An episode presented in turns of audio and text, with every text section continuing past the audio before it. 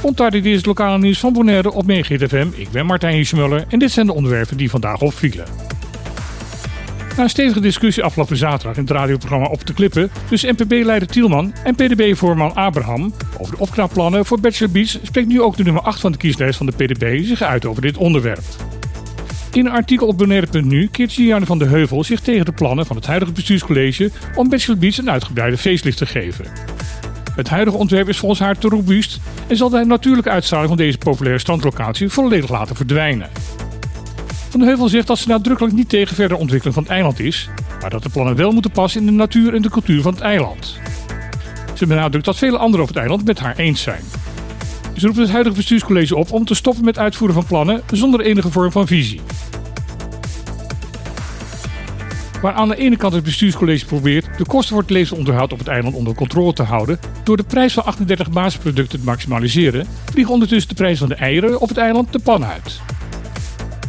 Betaalde je nog geen maand geleden voor een doos importeieren iets minder dan 5 dollar, ondertussen ben je daar bij Supermarkt 7 dollar aan kwijt.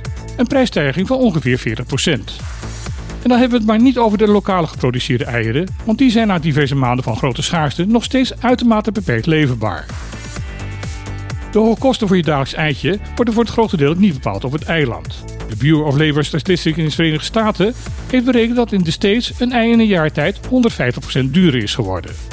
Toch is daarmee de enorme prijsstijging op Bonaire bij de eieren niet volledig verklaard.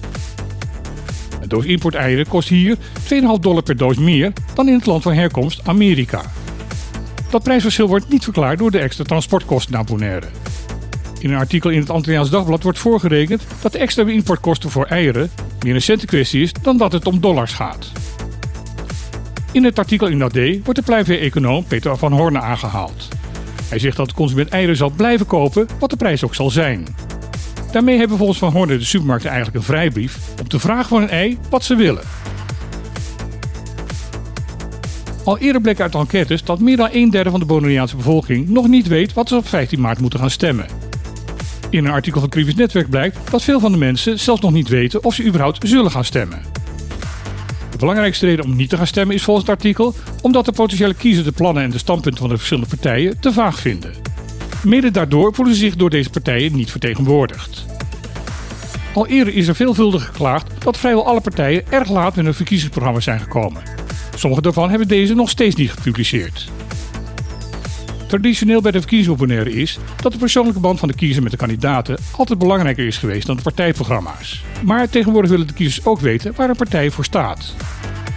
Mede doordat er niet altijd een helder antwoord komt op deze vraag, loopt de belangstelling om te kiezen de afgelopen 12 jaar steeds verder achteruit. Was er in 2011 nog een opkomst van ruim 75%, in 2019 was dat niet meer dan 64%. Dat is nog wel steeds meer dan in Europees Nederland, waar in 2022 voor de gemeenteraadsverkiezingen maar 51% ging stemmen. Een brief van het College Financieel Toezicht laat een somberbeeld zien over de jaarrekening van het loopbaar lichaam Sint-Eustatius over 2021. De brief komt uit oktober vorig jaar, maar is nu pas gepubliceerd. Dat het overzicht van het OLE drie maanden te laat is ingeleverd, wordt door het CFT niet heel moeilijk over gedaan jaarrekening uit 2016 had in de tijd een vertraging van 2 jaar en 9 maanden. Wel vindt het CFT zorgelijk dat er zoveel twijfels zijn over de gepresenteerde cijfers dat de accountant van het OLE weigert om er een oordeel over te geven. De CFT wijst erop dat de goede planning en financiële controle een van de voorwaarden is voor het herstel van de democratie op Statia.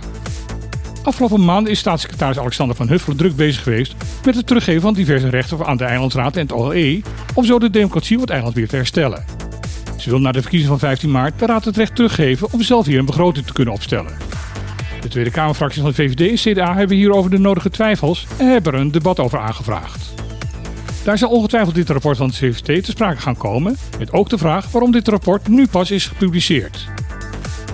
Dit was weer het lokale nieuws op Megahit FM. Ik wens iedereen nog een hele mooie dag en dan graag weer tot morgen.